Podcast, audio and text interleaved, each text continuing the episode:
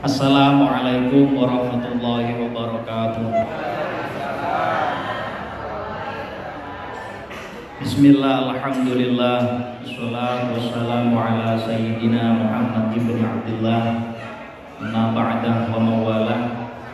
Rabbi syrah li wa yassir amri wa hlul 'uqdatam min lisani yafqahu qawli.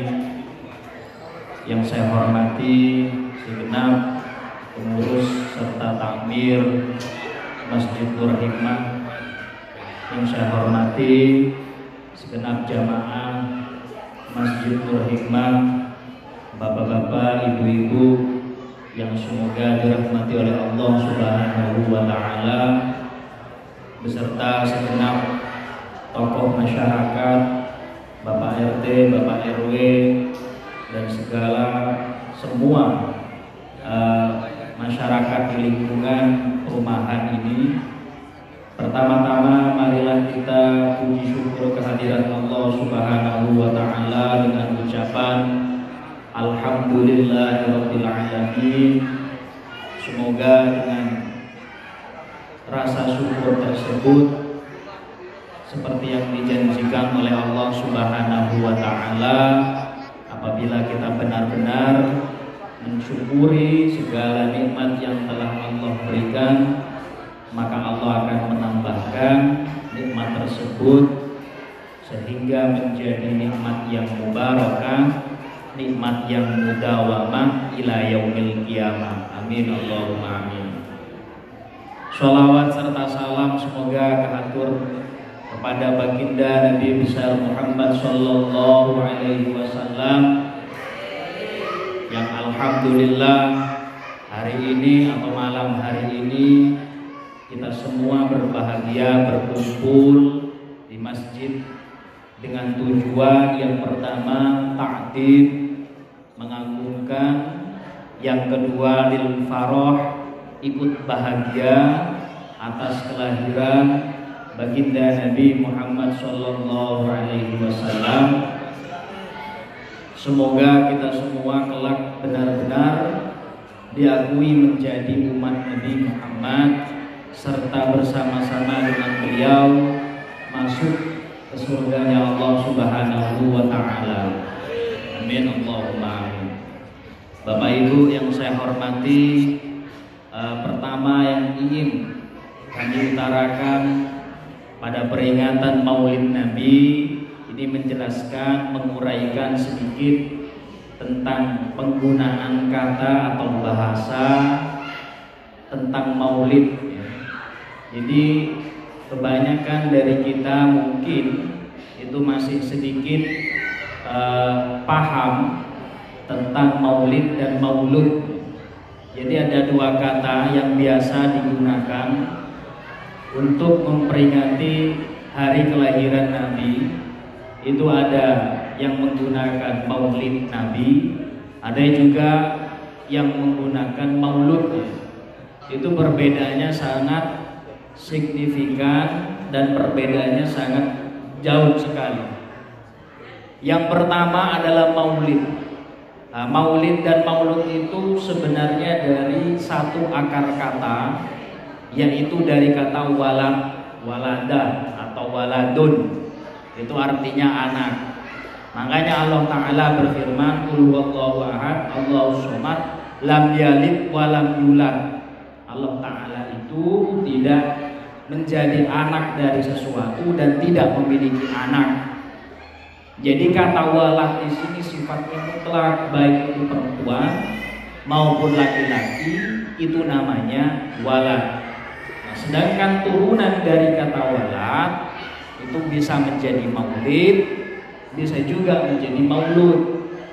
Kalau maulid itu adalah sosok yang dilahirkan jadi kalau Maulid Nabi Muhammad itu berarti uh, kita membicarakan, membahas tentang sosok yang dilahirkan, yaitu Nabi Muhammad Shallallahu Alaihi Wasallam.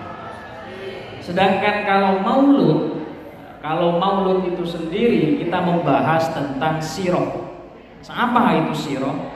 Siroh itu adalah sejarah atau sajarotun pada dasarnya bahasa sejarah itu ambilan dari bahasa Arab yang berarti sajarah, yang berarti sebuah pohon. Jadi sajaratun atau sejarah atau sirah dari Nabi Muhammad itu dari kata saro, yasiru, sairota atau sirota yang berarti perjalanan. Jadi kalau kita mengatakan maulud berarti kita mengupas tentang perjalanan hidup dari sosok Nabi Muhammad Shallallahu Alaihi Wasallam bahkan sebelum beliau dilahirkan hingga beliau wafat. Tapi kalau maulid itu terbatas pada di mana hari beliau dilahirkan. Itu perbedaan yang mendasar penggunaan kata maulid dan kata maulud. Dan alhamdulillah eh, malam ini atau bertepatan dengan tanggal 12 Rabiul Awal kita bersama berbahagia untuk memperingati hari lahir atau hari di mana baginda Nabi Muhammad dilahirkan beserta bukan hanya itu tapi sejarah bagaimana laku hidup dari baginda Nabi Muhammad Shallallahu Alaihi Wasallam. Bapak Ibu yang saya hormati, Nabi Muhammad itu dilahirkan di hari Senin. Al-Quran itu tidak berbicara. Al-Quran itu tidak ada yang mengatakan Nabi Muhammad itu lahir di hari Senin. Kenapa para sejarawan kok begitu yakin bahwa Nabi dilahirkan pada hari Senin? Karena informasi tersebut itu langsung disampaikan oleh Nabi Muhammad sendiri. Suatu ketika Nabi Muhammad ditanya, bukan ditanya beliau lahir hari apa, tapi ditanya, wahai Nabi, eh, mengapa Anda berpuasa hari Senin dan hari Kamis? Lalu Nabi menjawab, karena pada hari Senin aku dilahirkan. Nah, dasar tersebut yang menjadikan beberapa ulama terdahulu menganggap bahwa itu salah satu dari selebrasi di mana ketika beliau dilahirkan menggunakan cara ber, berpuasa. Jadi Nabi Muhammad itu mensyukuri hari kelahirannya pada hari Senin dengan cara berpuasa. Sama dengan kita. Malam ini kita juga mengadakan sebuah seremonial atau selebrasi atau hal yang mengikat atau sesuatu yang membuat kita bahagia di mana pada tanggal Rabiul 12 Rabiul Awal Nabi Muhammad dilahirkan dan kita sebagai umatnya yang jaraknya sudah ribuan tahun itu masih mengenang hari kelahiran Nabi Muhammad. Bapak Ibu yang saya hormati, terkait dengan Nabi Muhammad itu tidak akan selesai kalau memang kita menggunakan usia kita untuk meneliti, membahas ataupun membicarakan sosok agung Nabi Muhammad Shallallahu Alaihi Wasallam. Tapi setidaknya pembacaan maulid syarafal anam dengan rebana tadi, kemudian sihir-sihir yang yang dibacakan itu setidaknya mewakili sosok agung yang besar yang menjadi panutan kita bersama. Bahkan ini ini wakilah katanya sebagian ulama mengatakan bahwa hari kelahiran Nabi Muhammad tersebut itu lebih besar, lebih hebat, lebih mulia daripada hari raya. Loh kok bisa demikian? Iya dong. Kita tahunya hari raya, kita berpuasa itu karena ajaran Nabi Muhammad kan. Seandainya Nabi tidak dilahirkan, tidak diutus kepada kita, mana mungkin kita berhari raya, mana mungkin kita berpuasa, dan tentunya mana mungkin kita mengenal dan mengesahkan Allah Subhanahu wa taala. Tidak mungkin. Oleh karena itu, mungkin saja apa yang dinyatakan sebagian ulama bahwa malam di mana uh, Nabi Muhammad dilahirkan itu jauh lebih mulia daripada sekedar hari raya. Tapi Bapak Ibu yang saya hormati, selebrasi peringatan baik itu hari kelahiran Nabi Muhammad, hari raya dan lain semacamnya, itu bukan hanya rutinitas atau momentum peringatan semata. Ada makna yang harus kita gali di balik hal tersebut. Nabi Muhammad itu dilahirkan dalam keadaan yatim Nabi Muhammad itu dilahirkan tanpa seorang ayah. Oleh karena itu, banyak sekali hadis yang menyebutkan Nabi Muhammad itu sangat mencintai bahkan memerintahkan kepada umatnya untuk peduli kepada orang tua, fakir miskin, terutama yatim piatu. Karena beliau sangat merasakan itu.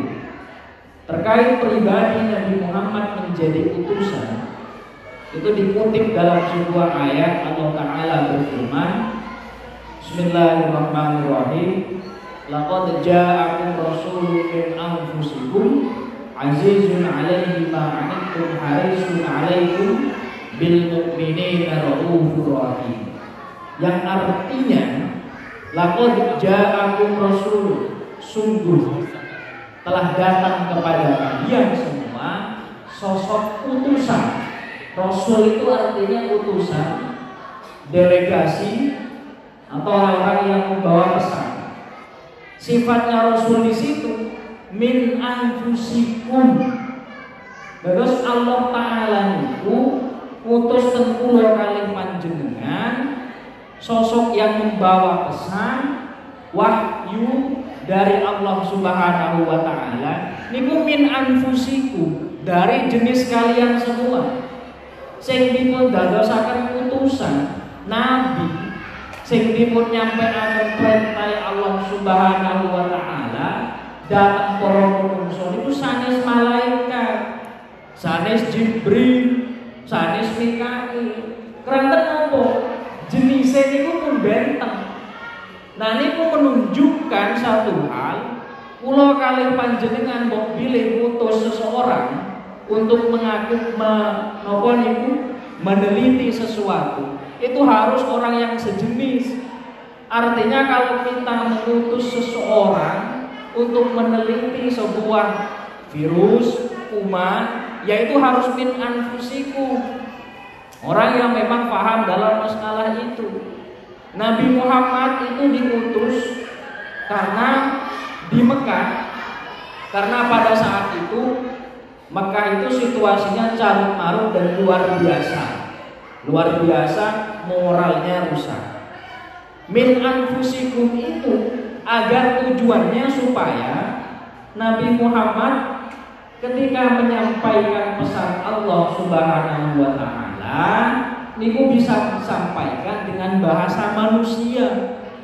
Coba bayangkan, seumpama Allah Ta'ala mengutus seorang nabi atau utusan berupa malaikat Jibril.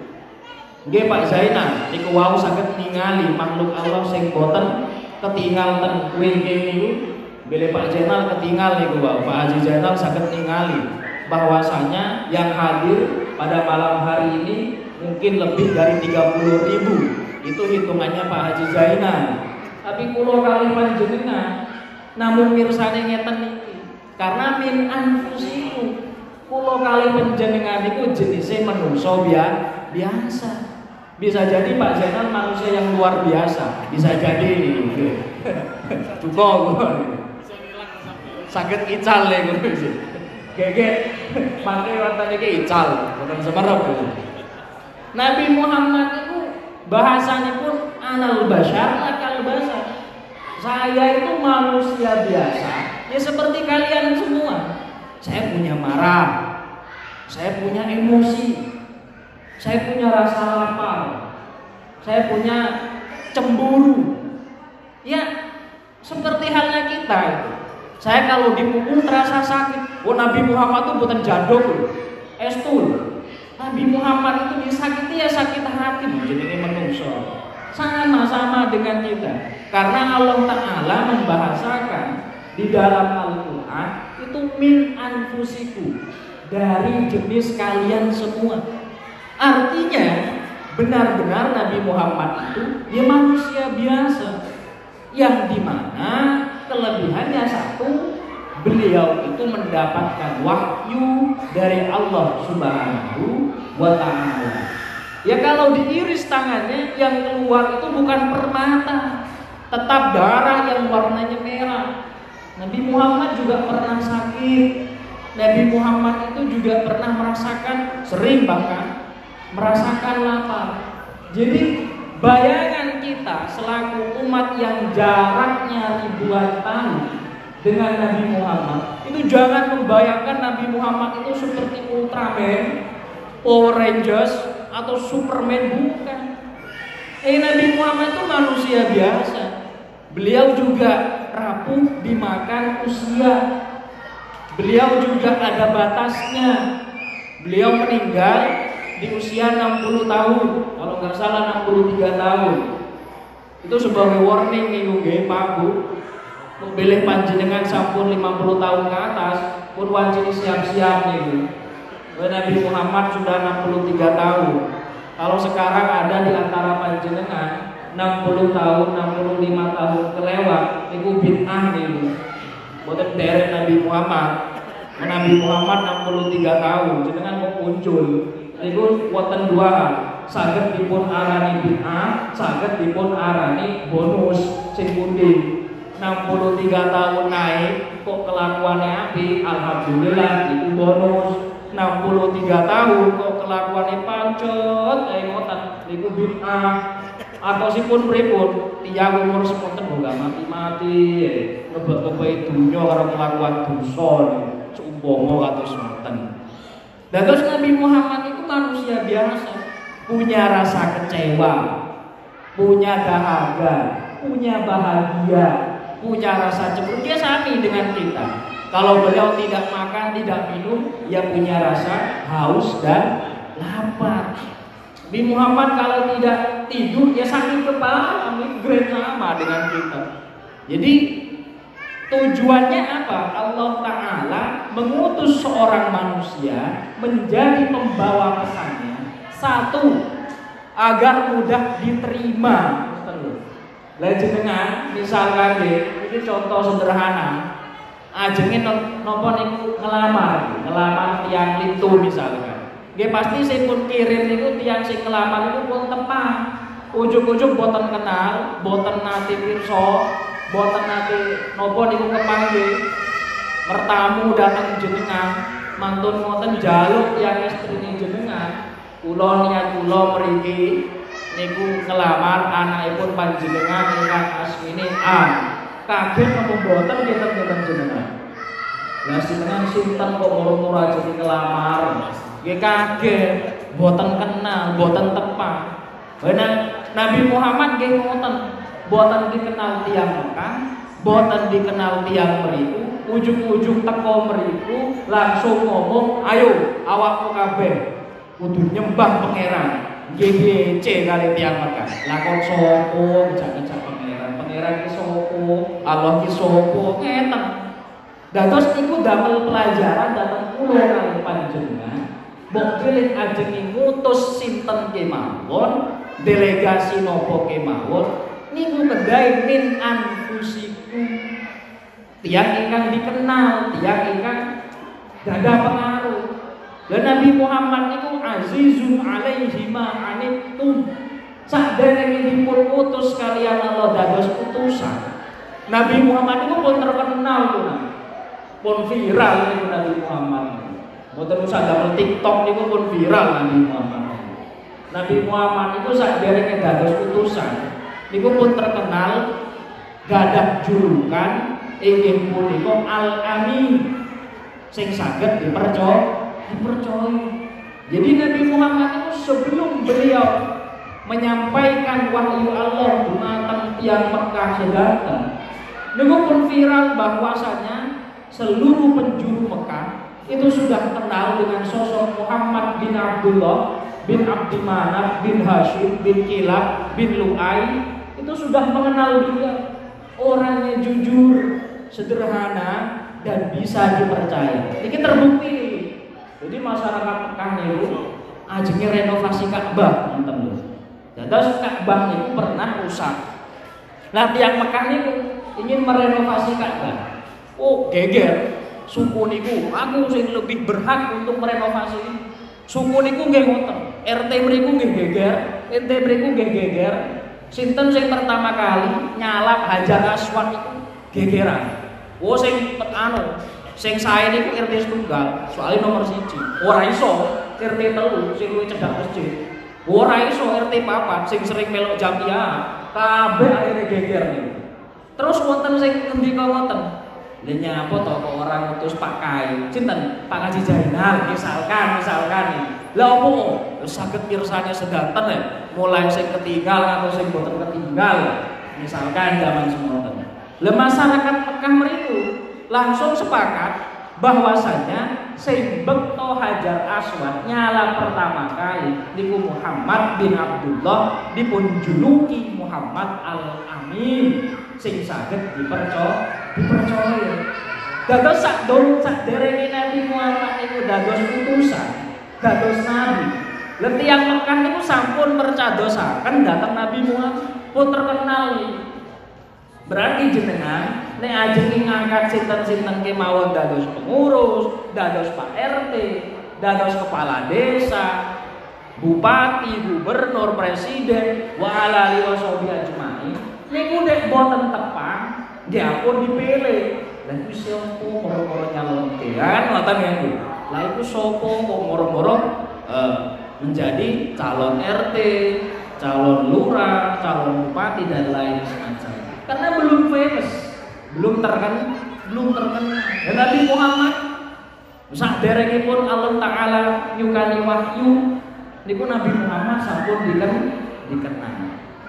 Dos azizun alaihi itu harisun alaikum. Nabi Muhammad itu remen sangat kula kalih panjenengan sedanten umat itu dados tiang beriman. Ngeten nggih?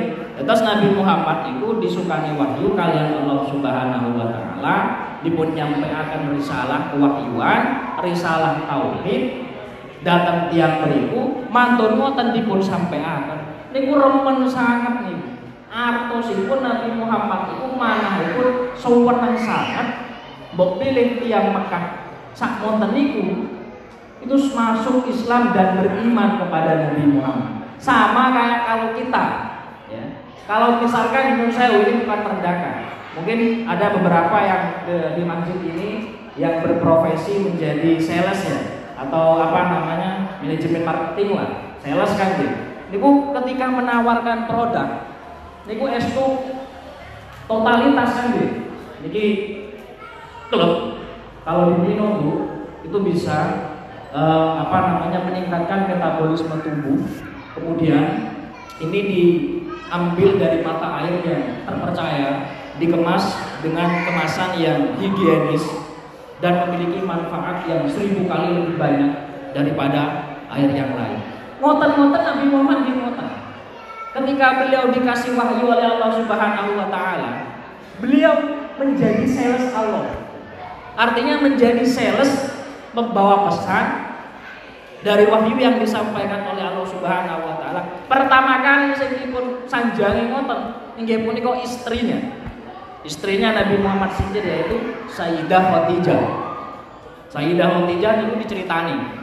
Mantun ngoten diceritani Sayyidah Khadijah niku nate mirsani, nate semeret ahli kitab, ahli kitab wong Yahudi. Iku asmini kula supe jadi Sayyidah Khadijah walaupun istrinya itu tidak langsung mempercayai apa yang disampaikan Nabi Muhammad. Beliau itu datang kepada seorang Yahudi ahli kitab dan bertanya, kira-kira apa yang disampaikan suamiku itu benar apa tidak? Kemudian ahli kitab Yahudi buka kitab Taurat itu. Ternyata di dalam kitab Taurat itu ada keterangan bahwa besok ada sosok manusia yang sama dengan Musa. Artinya bagaimana? Dia menjadi nabi di akhir zaman. Bahkan disebutkan juga dalam kitab Injil, Injil yang lama gitu. Nabi Muhammad itu juga disebutkan tapi namanya bukan Muhammad. Itu katanya namanya Ahmad gitu. Jadi Nabi Isa itu pun dipun persani sesuk anak Nabi akhir zaman jenenge Isa. Sak mantune ngoten Siti Khadijah ketika bertanya kepada seorang pendeta Yahudi bahwasanya informasi ini valid, Muhammad mengalami hal sedemikian demikian, apa yang dia alami di Gua Hiro diceritakan kepada pendeta tersebut, lalu pendeta itu bertanya, ya, ya Muhammad, apa yang kau alami itu pernah dialami oleh Musa, pernah dialami oleh Isa, pernah dialami oleh Ibrahim alaihissalam. Jadi apa yang kau alami benar-benar tanda bahwa kau adalah seorang nabi. Ini pertama kali beriman tiang Yahudi. Ya karena tiang Ali, tiang ngertos kitab ini. Lah saya itu itu nih, tiang Mekah. Wah lah, malah mencemooh. Oh, foto. Kenapa? Karena mengajak orang yang tidak tahu dengan orang yang sudah tahu itu lebih enak orang yang sudah tahu. Masalahnya tentang beriku. Mantun ngoten harisun alaik bil mu'minina raufur rahim. Sifat Nabi Muhammad punika bil mu'minina raufur rahim. Pertama rauf. Rauf niku Nabi Muhammad itu adalah sosok yang sangat lemah lembut karena inna arsalna rahmatan lil alamin. Nabi Muhammad itu diutus oleh Allah Subhanahu wa taala sebagai bentuk rahmat. Rahmat itu kasih sayang Allah Subhanahu wa taala datang pulau kali panjenengan, datang umat Islam keseluruhan bahwasanya Nabi Muhammad itu diutus untuk menjadi pembawa rahmat, bukan pembawa laknat. Suatu ketika ada peristiwa di mana penolak atau orang yang gak suka dengan Nabi Muhammad itu melempari Nabi Muhammad dengan batu. Hingga dikatakan bahwa gigi geraham Nabi Muhammad itu sampai tangga hilang karena dilempar oleh batu oleh pembencinya. Begitu Nabi Muhammad darahnya ingin menetes ke tanah, beliau pegang. Beliau pegang uh, apa namanya pipi beliau agar sampai sampai darahnya itu menetes ke, ke tanah itu. Wakilah katanya kata sejarah tersebut tak benar atau tidak. Kalau sampai ada darah Nabi yang sangat mulia itu menetes ke bumi, bumi ini buatan tani, nggak menerima karena akan meluka mendatangkan kemurkaan dari Allah Subhanahu wa taala. Langsung malaikat Jibril itu turun. Turun menghampiri Nabi Muhammad mengatakan, "Ya Muhammad, apakah mereka yang melemparimu dengan batu? Buminya diangkat ke langit lalu balik atau coro saat ini saat perumahan dermo ini kalian malaikat Jibril diangkat terus diwalin kita pun sejarah dermo pun boten wonten coro coro saat ini apa jawab Nabi ya Jibril innama buistu lirahmah wala linakna saya itu diutus untuk membawa pesan kedamaian, bukan untuk mengutuk, bukan untuk melaknat mereka. Ya mereka nggak percaya dengan saya karena mereka nggak paham. Mereka tidak mengimani saya bahkan menggolimi saya, ya karena mereka nggak tahu saja. Ya jadi biarkan saja. Jadi nggak perlu saya itu bahkan sampai jangankan melaknat mereka, mendoakan mereka terhadap hal-hal yang dulu itu tidak boleh.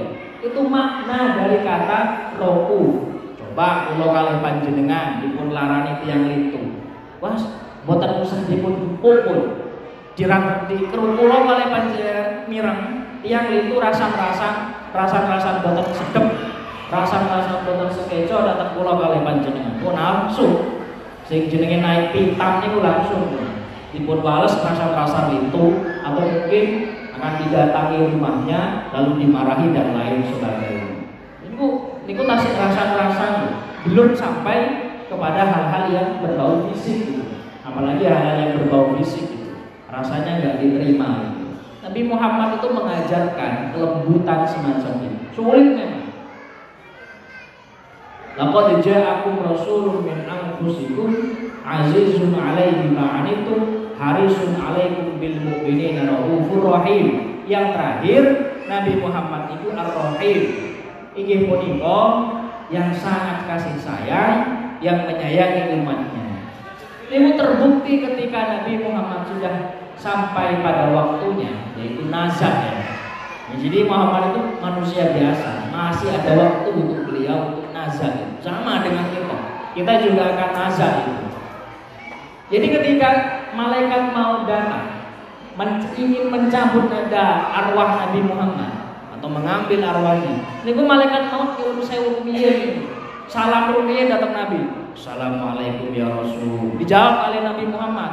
Waalaikumsalam warahmatullahi wabarakatuh. Kalau kok bayangkan gitu, kita kita gini saya Pak Haji Zainal becing ngotan kata saya ngotan.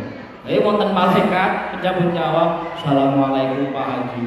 Waalaikumsalam. Kita kita ngoten. Keraton sing saged ningali wonten itu niku wau Pak Haji Zainal niku. Dan terus ketika malaikat itu ingin mencabut nyawa Nabi, malaikat salam terlebih dahulu, lalu datang menghampiri Nabi, menanyakan bahwasannya jenengan dipun pendet, dipun pundut saking inggil nopo saking ngandap ngoten. Ditawari dulu oleh malaikat. E, wahai malaikat, kira-kira rasa sakitnya seperti apa? E, wahai Rasul, ini karena Anda orang yang paling mulia di muka bumi ini. Jadi cara saya mencabut nyawa itu tidak seperti kebanyakan manusia lainnya. Itu sangat halus dan sangat lembut. Jadi pelan sekali ketika malaikat maut itu mencabut nyawa Nabi. Itu katanya sakitnya itu seperti ada bergelantungan di pohon yang mana di situ ada ratusan silet, ada selorotan dari atas ke bawah gitu loh. Jadi kayak panjat pinang, pinangnya dikasih silet satu-satu, lalu ada pelorotan dari atas ke bawah. Tersayat-sayat oleh silet sedemikian banyak. Rasa sakitnya semacam itu. Niku nazak yang paling ringan yang dialami oleh Nabi Muhammad. Langsung ketika itu Nabi Muhammad membayangkan, ya Allah, kelak bagaimana umatku? Rasa sakit ketika mereka nazak itu seperti apa? Tidak bisa dibayangkan. Walau a'lam bishawab. Kula nggih Napa niku boten nate jajal, boten nate nyasa ya soalnya. Terus boten ngertos. Jadi seperti itu rasa prihatin yang ditampilkan oleh Nabi Muhammad sebelum beliau meninggal itu beliau masih memikirkan kita nanti seperti apa dan jadi bagaimana. Itu adalah sifat yang mulia dari baginda Nabi besar Muhammad Shallallahu Alaihi Wasallam. Makanya pilih bulan Maulid atau bulan Maulud dari Nabi Muhammad pulau kali panjenengan istu istu sing pertama niku raosaken bunga datang lahiripun Nabi Muhammad Shallallahu Alaihi Wasallam. Kalau panjenengan tanglet dalile maulid atau maulud niku dalil sing didamel tiang-tiang niku biasanya dalil Abu Lahab nih. Jenengan nanti mireng asmini Abu Lahab nih. Abu Lahab itu paman dari ibu Nabi yang menjadi musuh utama orang Islam nih. Si zaman sini Jadi Abu Lahab itu ketika mendengar Aminah melahirkan seorang putra, wis senengnya masya Allah nih. Niku sampai Suwaibah uh, budaknya Abu Lahab itu dimerdekakan pada hari Senin ini.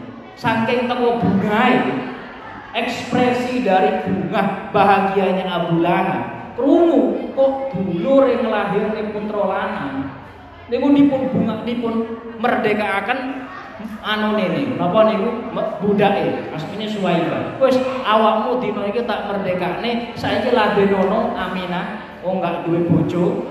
Saking teko bungae wakila katanya Abu Lahab itu ya karena mati dalam keadaan kafir Abu Lahab itu setiap hari Senin di dalam kuburannya mendapatkan keringanan. Dan terus pas niku Abu Lahab dados yang soleh lho. Niku Abu Lahab lho. Sing dados yang kafir.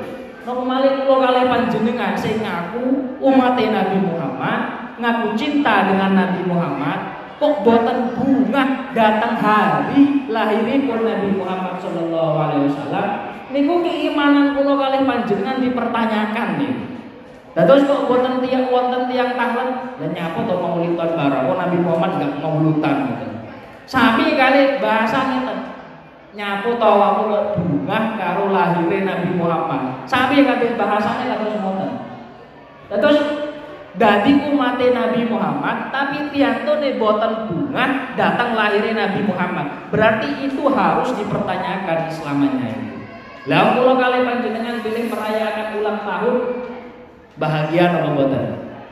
Senang apa boten? Napa malih ulang tahun putrane nggih. Oh diperrayakan nanggap niki, nanggap niku, apalagi ulang tahun ulang tahun yang memang itu hari kebesaran, ulang tahun kemerdekaan nggih. Ulang tahun Kota Kediri, ulang tahun pernikahan dan ulang tahun ulang tahun yang lainnya. Ini loh sosok yang begitu mulia yang mengenalkan kita kepada Allah Azza wa Jalla yang kelak akan kita mintai pertolongannya. Pada hari ini beliau dilahirkan. Kok ada orang yang bertanya ngapain acara semacam ini ngapain? Ya berarti orang tersebut perlu dipertanyakan. Kamu itu cinta dengan Nabi apa tidak? Kamu itu beriman kepada Nabi apa tidak? Wong dengan ulang tahun keluargamu sendiri kamu bahagia luar biasa, apalagi dengan sosok yang kelak akan kita mintai pertolongannya di hari kiamat. Di hari kiamat. Bapak Ibu yang saya hormati, momentum uh, bulan Rabiul Awal atau bulan uh, musim semi ini yang mengingatkan kita kepada kelahiran Nabi Muhammad SAW benar-benar mari kita gunakan untuk lebih meneladani sikap-sikap dan akhlak dari Nabi Muhammad Wasallam.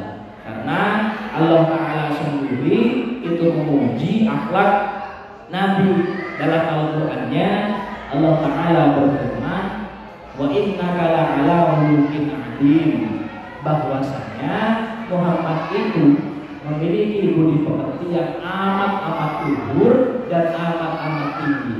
Bahkan disegani oleh semua musuh-musuh Islam itu segan dengan Nabi Muhammad itu segan bahkan suatu ketika uh, Sayyidah Khadijah selaku istri pertama Nabi Muhammad Shallallahu Alaihi Wasallam ketika mendengar kabar bahwasanya Nabi didatangi oleh sosok yang mengaku Jibril di Gua memberikan wahyu dan mengajak untuk mengenalkan Allah Subhanahu wa taala. Dan Sayyidah Khadijah itu menenangkan Nabi Muhammad Shallallahu alaihi wasallam dengan cara ya Muhammad wahai suamiku apa yang telah menimpamu itu bukan sesuatu yang akan mencelakakanmu silaturahim yang kedua engkau selalu memuliakan tamu. Yang ketiga engkau tidak pernah mengganggu orang lain. Dan yang terakhir engkau adalah al-amin. Engkau yang bisa dipercaya oleh semua masyarakat Mekah pada zaman itu. Kembali lagi kepada hal yang pertama bahwasanya Nabi Muhammad itu sudah terkenal bahkan jauh sebelum Nabi Muhammad diutus oleh Allah Subhanahu wa taala. Jadi bulan Maulid itu dengan merayakan apa namanya? merayakan eh, kelahiran Nabi itu sangat ya, sangat luar biasa sekali. Karena yang pertama kita berbahagia atas lahirnya juru selamat kita semua. Yang kedua ayatnya kita berbahagia dengan hari kelahiran kita. Kita menganggap bahwasanya kelak dan berharap kita mendapatkan pertolongan serta syafaat dari Nabi Muhammad Shallallahu Alaihi Wasallam.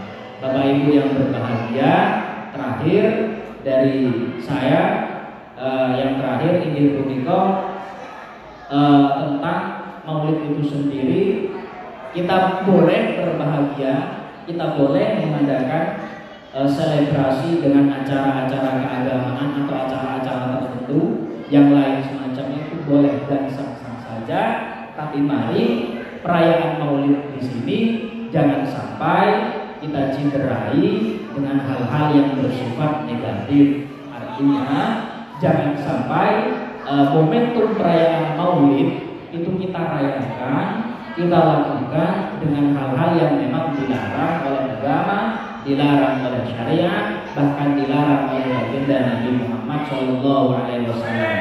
Jangan mengatasnamakan perayaan Maulid, tapi perayakan dengan sesuatu yang bersifat mahdorat dengan sesuatu yang bersifat ingkar karena itu secara tidak langsung menciderai apa yang telah diajarkan oleh Nabi Muhammad Shallallahu Alaihi Wasallam.